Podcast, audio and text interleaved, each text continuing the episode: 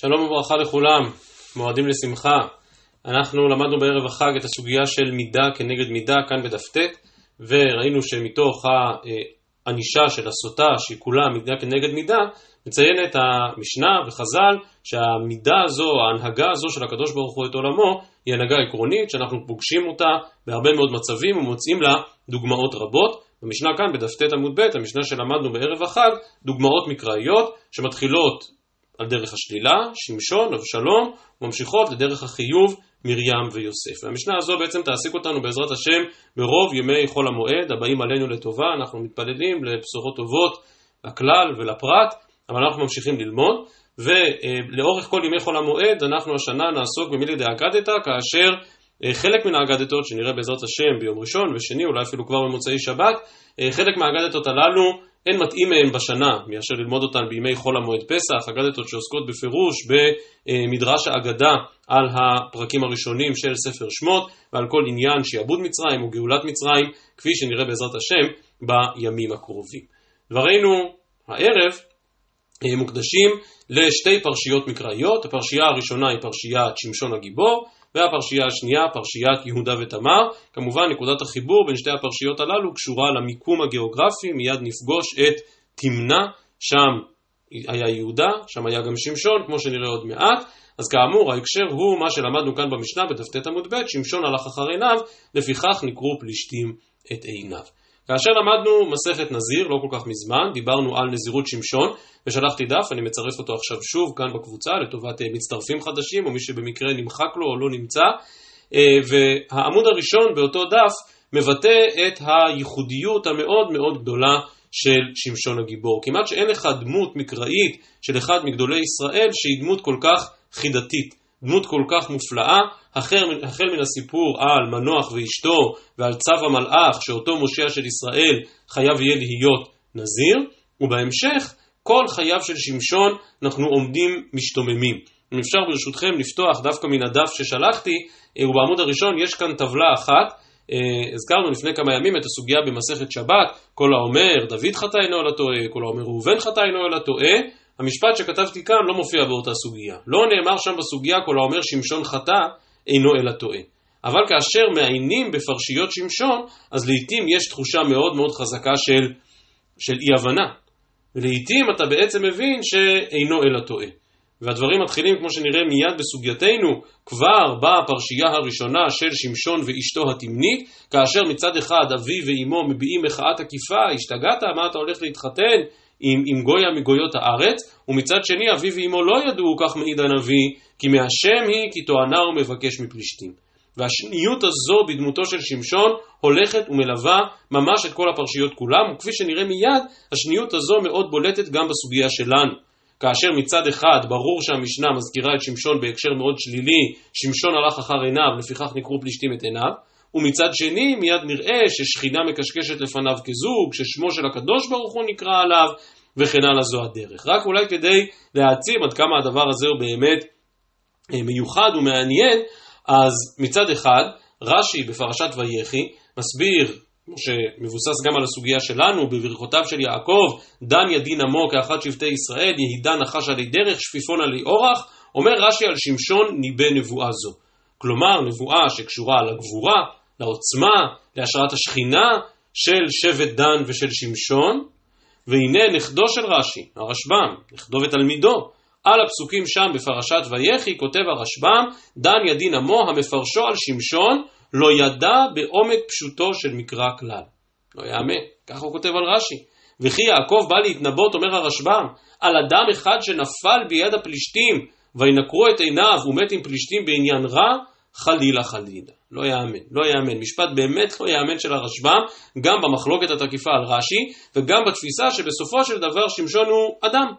סוג של אדם שמת בעניין רע, ואנחנו בכלל לא רוצים להזכיר את הדמות הכל כך כל כך מיוחדת הזו, את הדמות הכל כך כל כך מורכבת הזו, ולמרות השניות הזו שקיימת במקראות עצמם כמו שראינו, וקיימת בדברי חז"ל, וקיימת בדברי הראשונים, ברש"י וברשב"ם, אין ספק שאני חושב הרוח היותר כללית שעולה כאן מן הסוגיה שלנו, ואם שייך בזה פסיקת הלכה, אז ברור שכך פסק הרמב"ם בהלכות איסורי ביאה, כאשר הבהיר שלא יעלה על דעתך ששמשון המושיע את ישראל נשא נשים בגיותן וכולי וכולי, אזי המסר הוא שאכן שמשון הוא ודאי מן השופטים, ודאי מן, הנ... מן, מן המנהיגים, ודאי מאלה ששרתה עליהם רוח הקודש, ואני אסיים את הפתיחה הזו בדבריו של הרב קוק, שנמצאים כאן לפנינו באגרות הראייה, כותב הרב על עניין הגבורה שבאורות. הדברים מבוארים שלפי קדושתה של כנסת ישראל הכל הוא קדוש ונשגב לאין חקר. ושמשון, שנשתבח בגבורת גופו, הוא קדוש השם, ודן את ישראל לאביהם שבשמיים. ומתוך הצורך הגדול של התגברות הקדושה בעולם באחרית הימים על ידי כנסת ישראל, מוכרחת גם הגבורה הגופנית להתעורר ברוב כוח, ועל עובדי השם באמת החובה מוטלת לזכור את היסוד הפנימי של הגבורה, וכאמור הכל נובע מאותה נזירות של שמשון. הדברים האלה בעיניי מתחברים למה שדיברנו עליו בסיומה של מסכת נזיר, בפתיחתה של מסכת סוטה, כאשר הדברים מאוד מאוד קשורים בקשר הדוק לחג הפסח ולליל הסדר, שאך לפני 24 שעות עמדנו בעיצומו, כאשר חג הפסח מבקש לקדש את העולם כולו. גם את חיי הגוף, גם את האכילה, גם את חיי המעשה.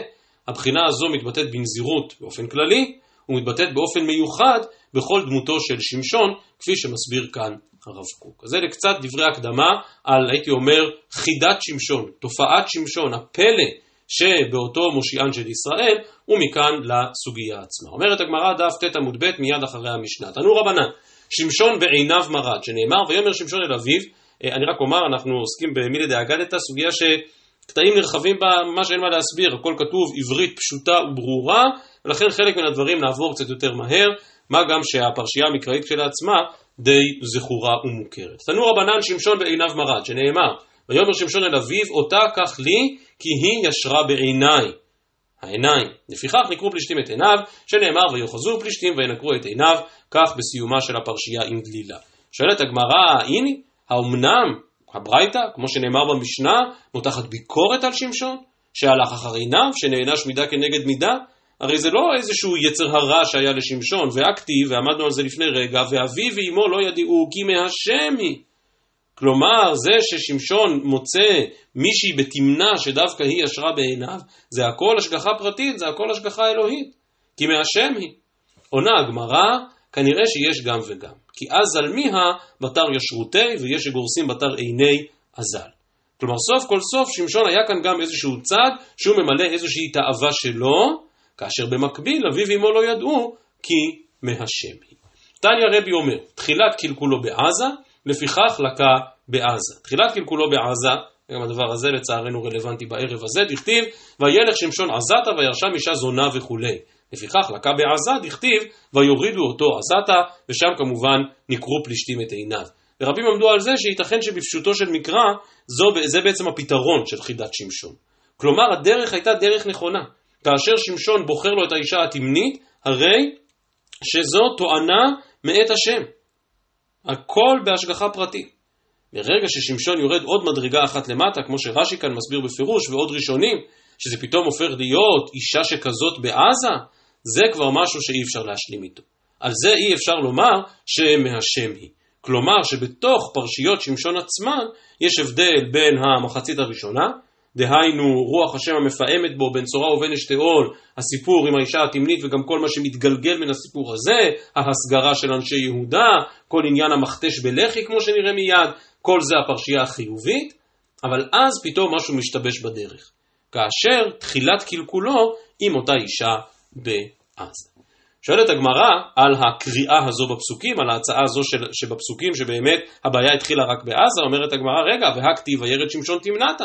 הרי כבר עם האישה התמנית הוא נושא אישה נוכרית. עונה הגמרא, שוב, תחילת קלקולו מיה בעזה היה. כלומר, האישה התמנית עוד היה כאן סוג של נישואין. עליהם אפשר בוודאי לומר את דבריו של הרמב"ם שהזכרתי מקודם בהלכות איסורי ביאה, אל יעלה על דעתך ששמשון מושיען של ישראל נשא נשים נוכריות. אבל לפי הרמב"ם גם את אותה אישה בעזה הוא גייר? באיזושהי הרפתקה לילית חד פעמית? גם שם היה גיור לפי הרמב"ם. ולכן תחילת קלקולו מיה בעזה היה. ממשיכה הגמרא ואומרת, ויהי אחרי כן, ויהב אישה בנחל סורק ושמה דלילה. תניא רבי אומר, אלמלא נקרא שמה דלילה, ראויה הייתה שתיקרא דלילה, כי דלדלה את כוחו, דלדלה את ליבו, ודלדלה את מעשיו. דלדלה את כוחו דכתיב, ויסר כוחו מעליו, שכן בסופו של דבר הוא גילה לה את כל ליבו, והיא הסירה את מחלפות ראשו, דלדלה את ליבו דכתיב ותרד דילה כי הגיד לה את כל ליבו, דלדלה את מעשיו דהסתלק שכינה מיני, דכתיב והוא לא ידע כי השם שר מעליו. טוב, שואלת הגמרא, ותרד דילה כי הגיד לה את כל ליבו, מנה ידעה. הרי מי שזוכר שם את הפסוקים, שלוש פעמים, שמשון מהתל בה. שמשון לא מגלה לה את הסוד כוחו האמיתי. אז איך ידעה דלילה בפעם הרביעית שהפעם זה אמת? אמר רבי חנין אמר רב, ניכרים דברי אמת. היא הרגישה שהפעם זה אמיתי. אביי אמר, ידעה בו באותו צדיק, דלא מפיק שם שמיים לבטלה, שימו לב לביטוי, באותו צדיק. איך הרשב"ם מתמודד עם הביטוי באותו צדיק, ששמור בדרך כלל לגדולי המקרא, ושוב, השניות הזו לכל אורך הסוגיה. ידעה בו באותו צדיק, דלא מפיק שם שמיים לבטלה. כיוון שהוא אמר לה, כאמור בפעם הרביעית, ויגדלה את כל ליבו, ויאמר לה מורה לו עלה על ראשי, כי נזיר אלוהים אני מבטן אמי, אמרה, הרי שהוא אמר נזיר אלוהים, הזכיר שם שמיים, אמרה, השתא ודאי קושתא כאמר. ויהי כי יציקה לו בדבריה כל הימים ותאלצהו. שוב, דלילה, מאי ותאלצהו, אמר רבי יצחק דברי רבי עמי, בשעת גמר ביאה נשמטה מתחתיו, כלומר, דווקא בנקודה הכי אינטימית ביניהם, פגעה בו, ציערה אותו, ולא הייתה לו ברירה אלא לגלות. חוזרת הגמרא אחורה לפרשיית אשת מנוח, אמו של שמשון, שנאמר לה ואתה אישה מרינה ואל תשתי יין ושכר ואל תאכלי כל טמא. מהי כל טמא? ותו הדהשת דברים טמאים כאכלה, כלומר המנהג שלה היה לאכול דברים טמאים, אמר ביצחק דבי רבי עמי, דברים האסורים בנזיר. כלומר מלכתחילה נאסר עליה לשתות יין. אגב באמת, אה, כאשר שמשון מגלה לדלילה את כל ליבו, הוא באמת לא אומר לה שאסור לו לשתות יין. הוא אומר לה שאסור לו לגלח את שערות ראשו. אבל כאשר המלאך נגלה לאשת מנוח, אז לאשת מנוח באמת נאסרה גם שתיית היין. ולכן, זה מה שהגמרא כאן מדגישה, שבאמת דבר טמא, לא במובן של דבר טמא כפשוטו, אלא דברים האסורים בנזיר. ומתוך שהזכרנו דבר טמא, מסיפור אמו של שמשון אנחנו חוזרים לפרשייה שהזכרנו מקודם, פרשיית המכתש שבלח"י, אחרי שאנשי יהודה מסגירים אותו אל הפלישתים, וכך נאמר שם, ויבקע, ויבקע אלוהים את המכתש אשר בלח"י, ויצאו ממנו מים ויש, וכמובן כל הדבר הזה קורה אחרי ששמשון מכה את הפלישתים בלח"י החמור, חמור חמורותיים, בלח"י החמור הכיתי אלף איש. ועל זה אומרת הגמרא, אמר רבי יצחק ורבי עמי, הוא היווה לדבר טמא, לפיכך נתלו חייו בדבר טמא. ויש כאן מחלוקת בין המפרשים, מה זאת אומרת ששמשון היווה לדבר טמא, האם בכל אותן פרשיות של נשותיו, או שהוא היווה לדבר טמא בזה שהוא החליט כאן להשתמש דווקא בלחי חמור, שהוא דבר טמא. חוזרים לתחילתו של שמשון, ותחל רוח השם לפעמו במחנה דן בן צורה ובן אשתאול, אמר רבי חמר ברבי חנינא, חלתה נבואתו של יעקב אבינו. ותחל מלשון התחילה נבואתו של יעקב אבינו, אותה נבואה שהזכרנו מקודם בשמו של רש"י על החומש, דכתיב יהי דן נחש עלי דרך. שוב, איך מתמודדים זה הרשב"ם? קטונתי, אני לא יודע. הרי זה דברי חז"ל מפורשים, שדבריו של יעקב מוסבים על שמשון, והרשב"ם על זה אומר חלילה חלילה. לפעמו במחנה דן, אמר רבי יצחק דבר רבי עמי מלמד שהייתה שכינה מקשקשת לפניו כזוג. כל נזירותו של שמשון היא נזירות של קודש. השכינה ממש שרויה לפניו ומרשרשת לפניו. כתיב הכה לפעמו במחנה דן, וכתיב הטעם לגבי הכהן הגדול. לא פחות מזה, הכהן הגדול. פעמון ורימון. אז דיברנו כבר במסכת נזיר על השוואת נזיר לכהן גדול, והנה לנו כאן דברים מפורשים, כאשר שמשון אכן מקביל לכהן הגדול. החל הרוח השם לפעמו בין צורה ובין אשתאול, אמר רבי אסי, צורה ואשתאול שני הרים גדולים היו, ועקרן שמשון וטחנן זה בזה.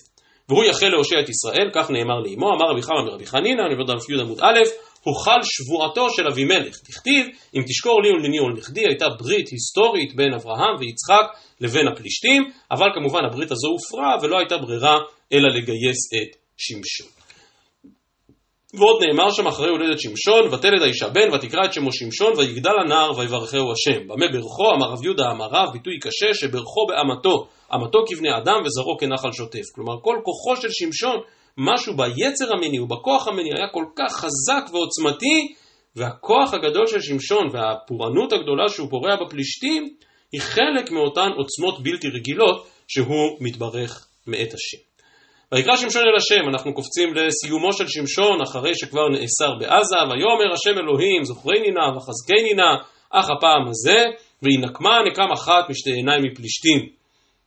יש כאלה שמן הסתם מכירים את זה באיזשהו לחן, לא נאריך בזה כאן. אמר רב, אמר שמשון לפני הקדוש ברוך הוא ריבונו של עולם, זכור לי עשרים, המילה הוא שתיים מיותרת, כמו שמעיר כאן במסורת הש"ס, על פי הרשב"א, שאכן במקראות עצמם מפורש ששמשון היה שופט עשרים שנה, ריבונו של עולם, זכור לי עשרים שנה ששפטתי את ישראל ולא אמרתי לאחד מהם העבר לי מקל ממקום למקום, וזה ברור.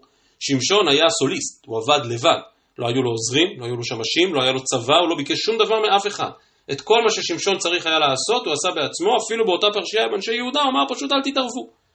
אני מבקש, אתם אל תסגרו בי, תסגירו אותי, אני כבר אסתדר לבד, וזו המשמעות שאפילו מקל לא ביקש ממישהו מהם. אחרי שאשתו התמנית של שמשון נלקחת ממנו, כל סיפור השועלים, וילך שמשון וילכוד שלוש מאות שועלים, מה ישנה השועלים? אמר רבי אבו בר נגדי, אמר רבי חייא בר אבא, אמר, אמר שמשון, יבוא מי שחוזר לאחוריו, או מי שבורח לאחוריו, וייפרע מפלישתית שחזרו בשבועתן. מסבירים כאן המפרשים שדרכו של שועל שהוא בורח ממעגלים, הוא לא בהכרח בורח רחוק, אלא עושה סיבובים במעגלים, דהיינו הוא חוזר לאחוריו, וגם הפלישתים חזרו בשבועתן, אותה שבועה שהזכרנו מקודם, הברית ההיסטורית עם אבימלך. תניא אמר רבי שמעון החסיד, בין כתפיו של שמשון שישים אמה היה, שנאמר, וישכב שמשון עוד חצי הלילה, זו פרשיית האישה בעזה, ויקום בחצי הלילה, ויחוז בדלתות שער העיר ובשתי המזוזות, ויסיים עם הבריח, וישם על כתפיו, וגמיר ייקח מסורת בידינו, דלת דלתות עזה, פחותות משישים אמה. טוב, אז כדרכה של אגדה, אדם שהוא ברוחב שישים אמה, זה משהו שנראה בלתי נתפס, אבל זו גבורתו המיוחדת של שמשון. כאמור, שמשון נתפס והושם בבית האסורים, וכך נאמר, ויהי טוחן בבית האסורים, ושוב החזרה דווקא לעולם הדימויים של בינו לבינה, אמר רבי יוחנן, אין תחינה אלא לשון עבירה. כלומר לשון יחסי אישות, וכן הוא אומר באיוב תיתכן לאחר אשתי, מלמד שכל אחד ואחד הביא לו את אשתו לבית האסורים כדי שתתעבר הימנו. אמר רב פאפא, היינו דאמרי אינשי, שוב בנימה מסוימת של ביקורת, קמי דשתי חמרה חמרה. קמי רפוקה גרידיה דובלה. כלומר, מי שרגיל לשתות יין, בסוף יימצא לפניו יין. ומי שהוא גנן וחופר בקרקע, בסוף יימצאו לפניו ירקות. דהיינו, שמשון, שכל מהותו ומה שאפיין את דרכו, אותה ברכה מיוחדת שהזכרנו מקודם, שהכל קשור לעולם של יחסי אישות, זו גם הייתה סופו. בהקשר הזה, מעניין לעניין אמר רבי יוחנן, כל המזנה אשתו מזננת עליו, שנאמר, היות שהזכרנו את אותו פסוק באיוב, אז נאמר שם, אם נפתה לבי על אישה ועל פתח ראי ערבתי, וכתיב תיתכן לאחר אשתי ועליה אחריון אחרים. כלומר, אדם, וזה קשור מאוד לרעיון של מסכת סוטה, שכבר הזכרנו כמה פעמים, כאשר חלילה קרתה פורענות כזאת, כאשר חלילה אשתו של אדם הלכה עם גבר אחר, מאוד יכול להיות שגם אותו אדם עצמו איננו מתוקן בעניינים הללו, והיינו דאמרי אינשי, אי הוא בי קרא ואיתתי בי בוציני. קרא בוציני זה בעצם אותו גידול, אותן דלאות גדולות, קטנות, כלומר, במה שהוא עוסק, בזה עוסקת גם אשתו. ואמר רבי יוחנן, שמשון דן את ישראל כאביהם שבשמיים, שנאמר דן ידין עמו כאחד שבטי ישראל. אומר כאן רש"י, כמו אחד, כמו השם אחד, יחידו של עולם. כך גם שמשון כאמור כאחד דן שבטי ישראל. אמר רבי יוחנן, שמשון על שמו של הקדוש ברוך הוא נקרא, שנאמר כי שמש הוא מגן, השם אלוהים. ברור שהמילה שמשון רומזת למילה שמש, החידוש של רבי יוחנן הוא שהמילה שמש כשלעצמה, השמש הוא מגן, השם אלוהים, המילה שמש כשלעצמה בהחלט מתקשרת, מתחברת לשמו של הקדוש ברוך הוא. תמהה הגמרא ואומרת, אלא מעתה לא יימחה. אז אם ככה אסור למחוק את המילה שמשון, כמו שאסור למחוק שמות, שמות הקדוש ברוך הוא, אלא אומרת הגמרא, מעין שמו של הקדוש ברוך הוא. מה הקדוש ברוך הוא מגן על כל העולם כולו, אף שמשון מגן בדורו על ישראל, ושוב גם כאן דברי שבח מופלגים ומופלאים על גדולתו של שמשון. התוספות כאן באמת מתלבטים, גם ברש"י וגם בתוספות, מה בדיוק העניין של השמות שנמחקים או לא נמחקים, דיון מעניין שיש כאן בראשונים לגבי השם שלום שהוא גם הוא משמותיו של הקדוש ברוך הוא, אז אם זה שם שנמחק או לא נמחק, כידוע יש כאלה שהקבידו לא לכתוב את המילה שלום באופן מלא, אלא להחסיר את אחת האותיות וכולי וכולי, דיון גדול על שלום, לגבי שמשון מסקנת הגמרא שוודאי שהוא מן השמות הנמחקים. ועוד מימרה אחת, שגם היא בוודאי על דרך האגדתא, ואמר רבי יוחנן, בלעם חיגר ברגלו אחת היה, שנאמר וילך שפי. מסבירים כאן הראשונים, שפי מלשון שף מדוכתי. הרגל שלו זזה ממקומו והייתה לו איזושהי צמיעה, אם כי על פי פשוטו של מקרא אפשר גם להסביר את המילה הזו אחרת, אבל ענייננו שמשון חיגר בשתי רגליו היה שנאמר שפיפון עלי אורח. שוב, כל המעשיו ומעלליו של, שמו, של שמשון, לומר שכולם היו לאדם חיגר בשתי רגליו, כנראה דברים שלא לא מתבררים על פי פשוטם, אלא כדרכו של מדרש האגדה. תנו רבנן, חמישה נבראו מעין דוגמה של מעלה. דוגמה של מעלה במובן שהיה להם איזושהי תכונה או איזשהו משהו פיזי ששונה מהמקובל בעולם של מטה. שונה מן המקובל בין הבריות, אלא הם נבראו באיזשהו עניין מאוד מאוד מיוחד, וכולן לקו בהם. חזרנו לעניין מידה כנגד מידה, הייתה להם איזושהי יכולת מאוד מיוחדת, היה להם איזשהו מראה מאוד מיוחד, אבל בסוף הם לקו בהם. והברייתא מיד תזכור את כל החמישה, אם כי כפי שמעירים כאן הראשונים, לא את הכל אנחנו מבינים מצד פשוטו של מקרא. שמשון בכוחו, זה ברור, זו כל הסוגיה שראינו עכשיו, על זה אין ספק שבאמת נברא באיזשהו כוח פלאי ומיוחד, ובסופו של דבר בזה גם לקה. שאול בצווארו, שאול היה גבוה מכל העם, גם זה מפורש במקראות, וכנראה בכל מערכת היחסים העכורה עם דוד שהפילה בעצם את מלכותו של שאול, היא קשורה לעובדה ששאול באמת כנראה רצה להמשיך ולהיות גבוה מכל העם. אבשלום בשערו, כמובן, מחר בעזרת השם נעבור לסוגיות אבשלום. מסיימת הברייתא ואומרת, צדקיה בעיניו ועשה ברגליו. הצדקיה אנחנו יודעים שהוא נענש כשניקרו את עיניו, עשה אנחנו יודעים שהיה חולה ברגליו, כאן לא נאמר לנו, בניגוד לשמשון, שאול ואבשלום, שמראש כאשר אנחנו פוגשים אותם, אנחנו פוגשים אותם עם אותה תכונה או מידה מיוחדת.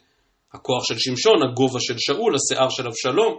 את צדקיה ואת עשה, עד הרגע של העונש, אנחנו לא יודעים שהיה בהם איזשהו משהו מיוחד. אבל חז"ל מבינים שמתוך שצדקיה נענש דווקא בעיניו, ומתוך שעשה נענש דווקא ברגליו, על כורחנו שבזה הם היו מיוחדים. הגמרא מסבירה, שמשון בכוחו דכתיב ויסר כוחו מעליו, שאול בצווארו דכתיב ויקח שאול את החרב ויפול עליה, וחז"ל כאן מבינים שהוא כאילו הפיל את החרב על צווארו, שבה היה גבוה מכל העם, אבשלום בשערו כדבעין למי מרקמן, כמו שאמרתי, נגיע לזה מחר בעזרת השם, צדקיה בעיניו דכתיב ואת עיני צדקיהו עיוור. עשה ברגליו דכתיב רק לעת זקנתו חלה את רגליו, ואמר רב יהודה אמריו שאחזתו פידגרה, אני מקווה שאני קורא את המילה הזאת נכון, אבל כנראה מדובר על סוג של מחלת הגאוט שאנחנו מכירים עד עצם היום הזה, ויש אנשים שמאוד מאוד סובלים מן המחלה הזו. אז שוב, צדקיהו נענש בעיניו, עשה נענש ברגליו, לא ידענו לפני כן שהיו לצדקיהו עיניים מיוחדות או לעשה רגליים מיוחדות, אבל כנראה היות שבזה נענשו, לזה התייחדו מלכתחילה. אמר למר זוטרא בדרב נחמן לרב נחמן, היחידה מפתגרה, מה הסימפטומים של המחלה הזאת? אמר לי כמחט בבשר החי, כלומר כאבי תופת, ומנה ידה, איכא דאמרי מי חשב החשבה, כלומר הוא עצמו סבל מן המחלה הזאת, ואיכא דאמרי מרבי שמיעלה, כלומר פעם שמע כך מרבו, ואיכא דאמרי סוד השם ליראיו ובריתו להודיעם. ורק להשלים את העניין הזה, דרש רבא, מפני מה נענש עשה. כלומר באמת, עשה סך הכל היה מלך צדיק, אז למה הוא נענש וחלה ברגליו? הגמרא, מפני שעשה אנגרי בתלמידי חכמים, שנאמר, והמלך עשה השמיע את כל יהודה אין נקי. ויישאו את אבני הרמה ואת עצי אשר בנה באשר, ויבין בם המלך מעשה את גבע בנימין ואת המצפה וכולי וכולי, ואם כן, עשה, עשה הרבה מאוד דברים טובים, אבל עשה אותם כאשר חייב את כולם לבוא ולקחת חלק במפעלי הבנייה הגדולים שלו. אין נקי, מהי אין נקי? אמר רב יהודה אמר רב, אפילו חתן מחדרו וחלה מחופתה, ממילא לקח גם תלמידי חכמים, ועל כך נענש לבסוף. ונקודה אחרונה לגבי שמשון, שכמו שאמרתי בפתיחה, תעביר אותנו משמשון לסיפור יהודה ותמר, סביב העניין הגיאוגרפי. כתיב, וירד שמשון תמנתה. כאשר שמשון הולך אל האישה התמנית הוא יורד. וכתיב בפרשיית יהודה ותמר, ויוגד את תמר לאמור, הנה חמיך עולה תמנתה לגוז צונו. אז, אז איפה תמנתה? היא על ההר או בשפלה? צריך לרדת אליה או לעלות אליה? אמר רבי אלעזר, אין כאן תיאור גיאוגרפי, אלא יש כאן תיאור של המהות. שמשון שנתגנה בה, כתיב בירידה, וזה לפי הגישה שמהרגע הראשון הייתה כאן גנות. יהודה שנתעלה בה, שכן זכה לפרץ וזרח ולאימה של מלכות, כתיב בי עלייה. רבי שמואל בר נחמני אמר, שתי תמנעות היו, זה שני מקומות שונים. חדה באמת הייתה בשפלה, בירידה, וחדה הייתה על ההר בעלייה. רב פאפה אמר, וזה הפירוש שגם רש"י מביא על החומש, חדה תמנע הוואי, זה מקום אחד בלבד. אגב, אנחנו היום יודעים פחות או יותר איפה זה באזור נחל סורק, לא כל כך רחוק מקיבוץ צורעה, מוזמנים לעיין בוויקיפדיה, ויש השערה די מקובלת בין החוקרים, היכן היא תמנע המקראית. רב פאפה אמר, חדה תמנע הוואי, דעתם מהי גיסא. צריך לרדת, כלומר מי שמגיע מאזור הרי יהודה יורד לשם, ודעתם מהי גיסא, מי שמגיע משפלת החוף, צריך לעלות לשם, כגון וריונה, ביברי ושוקה דנרש, כלומר מקומות בבבל, שגם הם נמצאים בצלע ההר. אז כאמור, מתוך שעסקנו בשמשון היורד לתמנע ויהודה העולה לתמנע, אנחנו מניחים את אגדות שמשון ועוברים לעסוק באגדות יהודה ותמר. כמו שאמרתי מקודם, אין ספק שכל הסוגיה הזו היא סוגיה שיש בה שניות רבה, שיש בה כפילות רבה על הדמות הזו של שמשון, שכן יש כאן הרבה דברי שבח מופלאים על השכינה המקשקשת לפניו כזוג, ומצד שני גם דברי ביקורת לא פשוטים, ואכן חידה גדולה ודמות מיוחדת במינה היא דמותו של שמשון. ובכן אומרת הגמרא, עברנו לעניין יהודה ותמר. תמר אה, מבקשת להינשא לבנו הצעיר של יהודה, הוא כמובן לא מסכים, ולכן היא הולכת ומתחפשת לאישה היושבת בפתח עיניים. אמר רבי אלכסנדרי מלמד שהלכה וישבה לה בפתחו של אברהם אבינו, מקום שכל עיניים צופות לראותו. במילים אחרות, היא מבקשת להמשיך ולהידבק במשפחתו של אברהם אבינו, וגם לעשות כאן צדקה ומשפט שהיא מרגישה שלא נעשו לה. רבי חנין אמר רב אומר, מה פתאום, לא קשור לאברהם אבינו, אלא מקום הוא ששמו עיניים, וכן הוא אומר בספר יהושע פרק ט"ו, שמתאר את הערים בנחלת יהודה, וזנוח ועין גנים, תפוח והעינם. הפסוק הקודם שם, אני אתחיל לקרוא פסוק אחד קודם, כאשר נאמר שם בנביא מהן כל ערי יהודה, אז בהתחלה מתוארות ההרים, שב, ההרים של אה, יהודה, הערים המזרחיות בגבול אדום, והערים שבהרי חברון של היום, ולאחר מכן נאמר שם בספר יהושע, פרק ט"ו פסוק ל"ג, בשפלה אשתאול וצורעה ואשנה, וזנוח ועין גנים, תפוח והעינם. ואם כן, הדבר לחלוטין מתחבר לשמשון, שתחל רוח השם לפעמו במחנה דן בין צורעה ובין אשתאול, וכנראה שעיר סמוכה היא העיר העינם, שהיא כנראה אותו פתח עיניים, שבו יושבת תמר באופן מחובר לתמנת. אז אם כן, פירוש ראשון, פתחו של אברהם אבינו, פירוש שני, כך שמו של המקום, רבי שמואל בר נחמני אמר, שנתנה עיניים לדבריה. כשתבעה, כלומר בא יהודה ורואה אותה ויחשביה לזונה כי כיסתה פניה, אמר לה השם הנוכרית את. אמרה להם מה פתאום גיורת אני. שמא אשת איש את, אז אם התגיירת אבל התחתנת, אמרה לי פנויה אני. שמא קיבל בחביך קידושין, אמרה לה יתומה אני.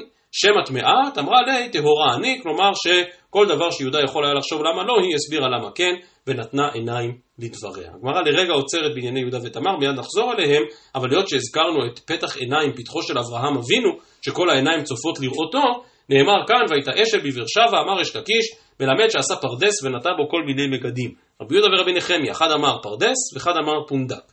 בשלמא למאן דאמר פרדס, היינו דכתיב ויטע, אלא למאן דאמר פונדק, דהיינו שהוא בנה איזשהו מלון דרכים, מאי ויטע? מלון דרכים בונים, לא נוטעים. כי דכתיב ויטע אוהלי אפדנו, כלומר לעיתים אנחנו רוצים בלשון המקרא שגם מאהל או מבנה הוא בלשון וייתה ולא רק גידולים חקלאיים. ויקרא שם בשם השם אל עולם, אמר יש לקיש אל תקרי ויקרא, דף י עמוד ב', אלא ויקריא, מלמד שהקריא אברהם אבינו לשמו של הקדוש ברוך הוא בפה כל עובר ושב. כיצד? לאחר שאכלו ושתו עמדו לברכו, אמר להם וכי משלי אכלתם, משל אלוהי עולם אכלתם, הודו, ושבחו, הודו וברכו למי שאמר והיה העולם, וזו אם כן מידתו של אברהם אבינו, שבעצם הולך וקורא בשמו של הקדוש ברוך הוא, ובעצם מפיץ את אה, סוד ויסוד האמונה, וחז"ל כידוע בנושא הזה מעריכים בהרבה מקומות. רק הערה מעניינת שיש בתוספות שאנץ כאן, ואנחנו תמיד חושבים שאצל באוהל של אברהם אבינו הכל כל כך מלא במידת החסד, הכל כל כך מסתדר, כפתור ופרח, ובאים כולם ומברכים למי שאמר והיה העולם. הביא כאן התוספות שאנץ מדרש, שלפחות אני לא זוכר איפה הוא נמצא, לא הספקתי לחפש במחשב, ולא היה לי זמין בש... במהלך החג, אבל תוספות צ'אנס מצטט כאן את המדרש, שאומר שלא תמיד זה הלך חלק. והיו כאלה שכאשר אברהם ניגש אליהם ואמר להם, נו קדימה, בואו תברכו, אמרו לו, מה פתאום? לא ידעתי את השם וגם אותו לא אברך, מה, מה פתאום? ואז אברהם היה נכנס איתם בדין ודברים תקיף, ואומר להם, רגע, אם אתם לא מברכים את הקדוש ברוך הוא, תשלמו לי על כל הסעודה. ואל תחשבו שזו סעודה זולה, זו סעודה מאוד מאוד יקרה להמציא לכם אוכל באמצע המדבר, כלומר, שאברהם אבינו ידע גם לעמוד בתקיפות על העניין הזה של הצורך לברך, להודות ולשבח למי שאמר והיה העולם. עד כאן בסוגריים, היות שהזכרנו פתח עיניים, פתחו של אברהם, ואנחנו חוזרים ליהודה ותמר. אומרת הגמרא, ויראה יהודה ויחשביה לזונה כי כיסתה פניה. אומרת הגמרא, משום דכיסתה פניה חשבה לזונה, מה זה קשור? אמר רבי אלעזר שכיסתה פניה בבית חמיה. אמר רבי שמואל בר נחמני אמר רבי יונתן, כל כלה שהיא צנועה בבית חמיה, זוכה ויוצאים ממנה מלכים ונביאים, מנהלן מתמר. נביאים דכתיב חזון ישעיהו בן אמוץ, מלכים מדוד, ואמר רבי לוי, דבר זה מסורת בידינו מאבותינו, אמוץ ואמציה אחים הב. דהיינו, גם שושלת חשובה של נבואה, וגם השושלת המרכזית בעם ישראל של מלוכה, כולם באו מתמר, שהייתה צנועה בבית חמיה. ועדיין, מה הקשר בין כיסוי הפנים וזה שיהודה לא הכיר אותה, אז רש"י כאן מסביר, היות שהייתה צנועה בבית חמיה, יהודה בכלל לא ידע כיצד היא נראית. הוא לא ידע שזאת תמר, כי תמיד הייתה כל כך צנועה והוא בכלל לא ידע שהיא נראית, אבל כמו שאתם רואים כאן במסורת, הש... בהגאות הבך, שמציין שבעצם יש גם לישנה אחרינה, ובאמת היא מופיעה גם בדברי ראשונים אחרים, וזה שאדרבה, זה לא שיהודה לא ידע איך תמר נראית, הוא ידע בדיוק מי זאת תמר, היא הייתה כלתו. אבל דווקא בגלל שהכיר בה שהיא כזאת בחורה צנועה וחסודה, אזי לא העלה על דעתו שהיא תשב בפתח עיניים על הדרך. ולכן הוא אמר, היא נראית לי מוכרת, אבל זו לא יכול להיות היא, זה פשוט לא ייתכן. ולכן לא הכיר אותה כי כיסתה פניה. היא מוצאת, כך נאמר על תמר, ברגע שיהודה פוסק שדינה שרפה באש, היא מוצאת. שואלת הגמרא, היא מתוצאת מבעילי. טוב, לא יודע להסביר כאן את הדקדוק, אבל מה, שה, מה, מה שעולה מן התשובה של הגמרא, זה שהיא מוצאת מלשון מציאה. כלומר, היא, אצלנו כתוב היא מוצאת, אבל הגמרא מציעה לקרוא את זה, היא מוצאת. כלומר, יש כאן איזושהי מציאה. מה מצאנו פתאום? אמר רבי אלעזר, לאחר שנמצאו סימניה, כלומר לאחר ששולחת ליהודה, קרנה, למי החותמת והפתילים, בא סמאל, שר צבא אדום, שכמובן יש לו אינטרס שתמר תוצא להורג, יש לו אינטרס שלא תקום שושלת מלוכה בישראל, ואם כן בא סמאל ורחקה, בא גבריאל וקרבן. דהיינו דכתיב בתהילים נ"ו למנצח על יונת אלם רחוקים לדוד מכתם. אמר רבי יוחנן, כלומר רחוקים במובן של מרחיקים. משעה שנתרחקו סימניה, אם אין לה את החותמת והפתילים, אז נעשית כיונה אילמת. לדוד מכתם, בזכות זה שבא גבריאל וחזר וקרבם, והיא לא הייתה כיונה אילמת, כי לא נתרחקו סימניה, אז יצא ממנה דוד שהיה מח ותם לכל. דבר אחר, מכתם, שהייתה מכתו תמה שנולד כשהוא מהול, כך נאמר דוד המלך, ופלפלו המפרשים, רגע, אם הוא נולד כשהוא מהול, אז מה זה כל העניין של המנצח על השמינית, שנזכר במקום המילה, וזו מצווה שהוא אוחז בה בכל מקום, אבל עדיין ברור שהוא חלק ממצוות מילה. דבר אחר, מכתם, כשם שבקטנותו הקטין עצמו אצל מי שגדול ממנו ללמוד תורה, כך בגדלותו, דהיינו שדוד היה באמת עקבי בגישה הזו. ומכאן אולי למימרה הידועה ביותר בכל סיפור יהודה ותמר, שמופיע גם במקומות אחרים בש"ס, ואיש הלכה אל חמיה לאמור לאיש אשר אלה לא אנוכי הרע, ותימה למימר, כלומר מדוע היא לא מפרסמת את זה בגלוי, מיהו אביהם של הילדים הללו שהיא הרע לזנונים, אמר רב זוטה בר טוביה אמר רב, ואמר לה אמר רב חנה בר ביזנה אמר רבי שמעון חסידה, ואמר לה אמר רבי יוחנן בשום רבי שמעון בר יוחאי, נוח לו לאדם שיפיל עצמו לתוך כבשן האש, ואל ילבין פני חברו ברבים, ומנלן מתמר. אז אכן הרמב"ם מביא בהלכות דעות את דברי חז"ל הללו, שהמלבין פני חברו ברבים אין לו חלק לעולם הבא וכולי וכולי. אבל התוספות כאן שואלים, האומנם הדברים כפשוטם, האומנם יש איסור ייהרג ואל יעבור, פשוטו כמשמעו בעניין מלבין פני חברו ברבים, ואם ככה למה זה לא נמנה יחד עם ג' עבירות חמורות, וכידוע בדבר הזה יש גישות שונות בין הראשונים, האם הדברים כפשוטם, דהיינו שבאמת אדם צריך להימנע מהלבנת פנים ברבים, אולי הדבר הזה הוא חלק מאיסור רציחה, דאזיל סומקה ועתי חברה וכולי וכולי, או שהדבר נאמר, כמו שציינתי, הרמב"ם מביא את זה בהלכות דעות, כממרה יותר רעיונית, עד כמה הדבר הזה של פגיעה באדם, ודאי ובוודאי בפרהסיה, עד כמה הדבר הזה חמור עד מאוד. ותאמר הכר נא, אמר רבי חמא ברבי חנינא, בהכר בישר לאביו, בהכר בישרו. בהכר בישר, הכר נא הכתונת בנך היא, וכמובן כל הרעיון היה רעיון של יהודה במכירת יוסף, בהכר בישרו, הכר נא למי, והנה חזרנו לעניין מידה כנגד מידה, זו אמנם לא אחת הדוגמאות שבמשנה, אבל הנה כאן דוגמה שגם יהודה, הכר נא כנגד הכר נא. אומרת אמר לי יהודה, הכר נא, אין נא אלא לשון בקשה, אמרה לי בבקשה ממך, הכר פני בוראך, ואל תעלים עיניך ממני. והכר יהודה ויאמר הצדקה ממני, היינו דאמר רב חנין בר ביזנא אמר רבי שמעון חסידה, יוסף שקידש שם שמיים בסתר, זכה והוסיפו לו אות אחת משמו של הקדוש ברוך הוא, דכתיב עדות בי הוסף שמו. יוסף כמובן קידש בסתר, בינו לבין אשת פוטיפר, לא היה שם מישהו אחר. אבל יהודה שקידש שם שמיים בפרהסיה ואמרה צדקה ממני, זכה ונקרא כולו על שמו של הקדוש ברוך הוא, כיוון שהודה ואמר צדקה ממני, יצתה בת קול ואמרה, אתה הצלת תמר ושני בניה מן האור, חייך שאני מציל בזכותך שלושה מבניך מן האור, ומה נינו חניה, חנניה, מישאל ועזריה. ברשותכם אני מדלג שורה אחת ומיד נשנים, ולא יסף עוד לדעתה, אמר רב שמואל סבא חמוע דרב שמואל ברמי משמי דרב שמואל ברמי, כיוון שידעה, שוב לא פסק ממנה. כתיב הכה ולא יסף עוד לדעתה, וכתיב התם קול גדול ולא יסף. אז כזכור רש"י על החומש, גם ולא יסף עוד לדעתה, וגם בעניין קול גדול ולא יסף, מביא באמת את שתי האפשרויות. האם הכוונה שבאמת זה היה מאורע חד פעמי ולא יסף עוד לדעתה, כפי שעולה מפשוטו של מקרא, או שמא אדרבה, להפך, ולא יסף עוד לדעתה, הכוונה כיוון שהתחיל לא פסק. ולא יסף, הכוונה שהוא לא הפסיק, ולא סר מן הדבר הזה, דהיינו שתמר הפכה להיות אשתו הגמורה של יהודה. רציתי שנסיים במשפט האחרון, אמנם בגמרא הוא לא כתוב אחרון, אבל שוב רלוונטי לתקופה כזאת, שבהן שוב עומדים עלינו לכלותנו, ועם ישראל וצה"ל באמת שוקלים את דרכיהם כיצד לעמוד על עצמאותנו ועל ביטחוננו, אז אם כן אומר יהודה צדקה ממני, מנה ידה. מהיכן ידע יהודה בוודאות שהיא ממנו?